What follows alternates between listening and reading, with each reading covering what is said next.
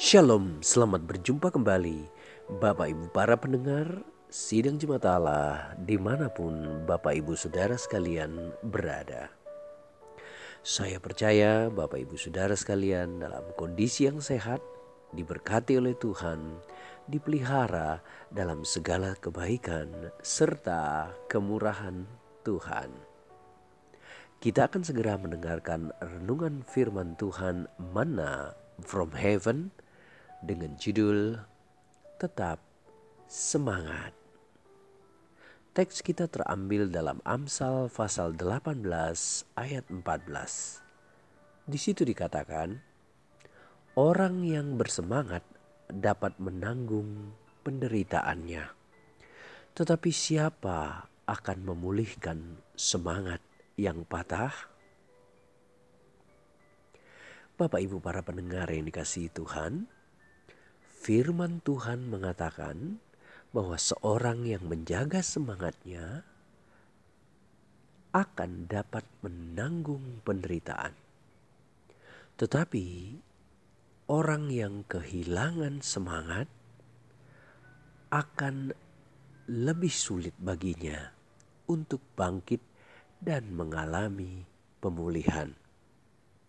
Semangat akan memberikan tenaga bagi siapa saja untuk menghadapi berbagai tantangan dan kesulitan.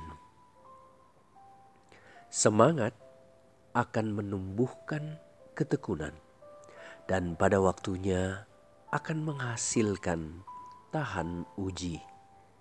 Tentu akan membawa keberhasilan di kemudian hari. Ada sebuah survei yang dilakukan oleh para CEO perusahaan yang termasuk dalam Fortune 300. Dalam survei itu menunjukkan bahwa lebih dari 50% CEO perusahaan tersebut rata-rata mendapat nilai C ketika mereka kuliah. Berikutnya, hampir 70% dari seluruh presiden yang ada di Amerika hanya mencapai peringkat menengah di dalam kelas mereka. Dan lebih dari 50% pengusaha besar di Amerika tidak menyelesaikan kuliahnya. Pertanyaannya, apa sebenarnya yang menyebabkan orang-orang yang tampaknya biasa-biasa saja mampu mencapai hal-hal yang besar dan menjadi orang-orang yang hebat? Jawabannya adalah semangat. Nelson Mandela pernah berkata, "Zaman ini tidak akan berakhir karena kejahatan, tetapi disebabkan oleh kurangnya semangat." Nah, timbul pertanyaan sekarang, apa itu semangat? Semangat adalah gairah dari dalam atau antusiasme yang besar pada sesuatu. Penyebab mengapa banyak orang menyerah dan gagal adalah karena semangat yang telah patah. Kita melihat hal ini berbeda dengan kehidupan Kaleb bin Yefun yang ada di dalam Alkitab. Ia meminta milik pusaka kepada Yosua Alkitab mencatat bahwa usianya sudah mencapai 85 tahun. Tentu saja usia tersebut sudah tidak tergolong muda lagi. Bahkan sebenarnya Kaleb sudah memasuki masa pensiun. Sekalipun demikian, usia lanjut tidak mematahkan semangatnya. Kaleb adalah pribadi yang amat bersemangat dan penuh dengan visi. Di usia yang tidak mudah itu, semangatnya tidak berubah. Kepada Kaleb, Yosua memberikan tanah Hebron, tempat tinggal orang enak, yaitu para raksasa-raksasa. Dan Kaleb berhasil menduduki tanah tersebut. Kaleb merupakan contoh bahwa usia bukanlah penghalang bagi seseorang untuk mewarisi janji Allah. Semangat dalam menjalani kehidupan bersama dengan Tuhan telah ada di dalam diri Kaleb sejak ia muda. Ia tekun sehingga walaupun harus berjuang dalam jangka waktu yang panjang, ia tetap setia dan bersemangat di dalam Tuhan. Nah, apa rahasia Kaleb tetap semangat menjalani kehidupannya meskipun usianya telah lanjut? Yang pertama, Kaleb memiliki sasaran dan tujuan yang jelas.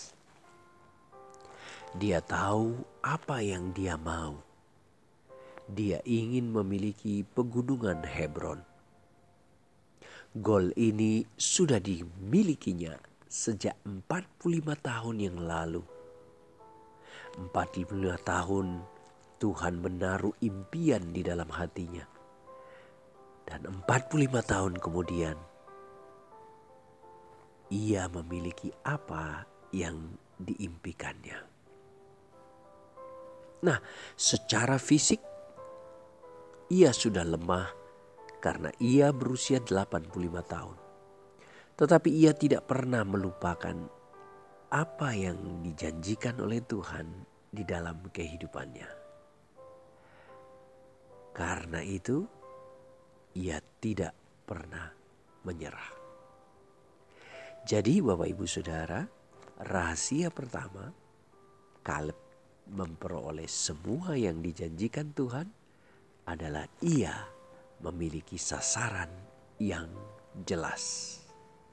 Rahasia kedua, mengapa Kaleb tetap semangat menjalani kehidupannya dan memperoleh semua janji Tuhan adalah Kaleb menghadapi tantangan dengan iman. Ulangan 1 ayat 36 berkata, kecuali Kaleb bin Yefun dialah yang akan melihat negeri itu dan kepadanya serta anak-anaknya akan kuberikan negeri yang dijanjikan itu. Karena dengan sepenuh hati ia mengikut Tuhan.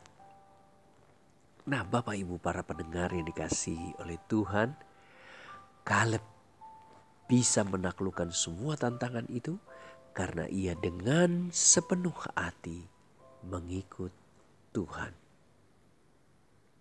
dengan iman di dalam dirinya. Nah, rahasia ketiga, Kaleb tetap bersemangat meskipun usianya telah lanjut adalah Kaleb selalu mengerahkan potensi terbaiknya. Yosua pasal 14 ayat 14 berkata, Itulah sebabnya Hebron menjadi milik pusaka Kaleb bin Jefun, orang Kenas itu sampai sekarang ini. Karena ia tetap mengikut Tuhan Allah Israel dengan sepenuh hati. Luar biasa bukan? Yang tadi dia percaya, yang ini dia melakukan, mengerahkan segala potensinya untuk menggapai janji Tuhan. Nah, Bapak Ibu para pendengar yang dikasih Tuhan, tidak ada manusia yang dapat menahan laju pertambahan usia.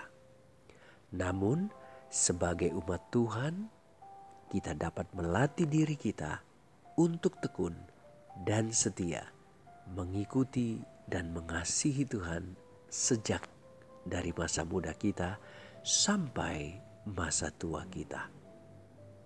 Mulailah mengandalkan Dia dalam segala kehidupan kita. Kunci untuk tetap semangat yang pertama, milikilah sasaran yang jelas. Yang kedua, hadapi tantangan dengan iman. Dan yang ketiga, kerahkan segenap potensi yang ada untuk melaksanakan yang kita telah siapkan.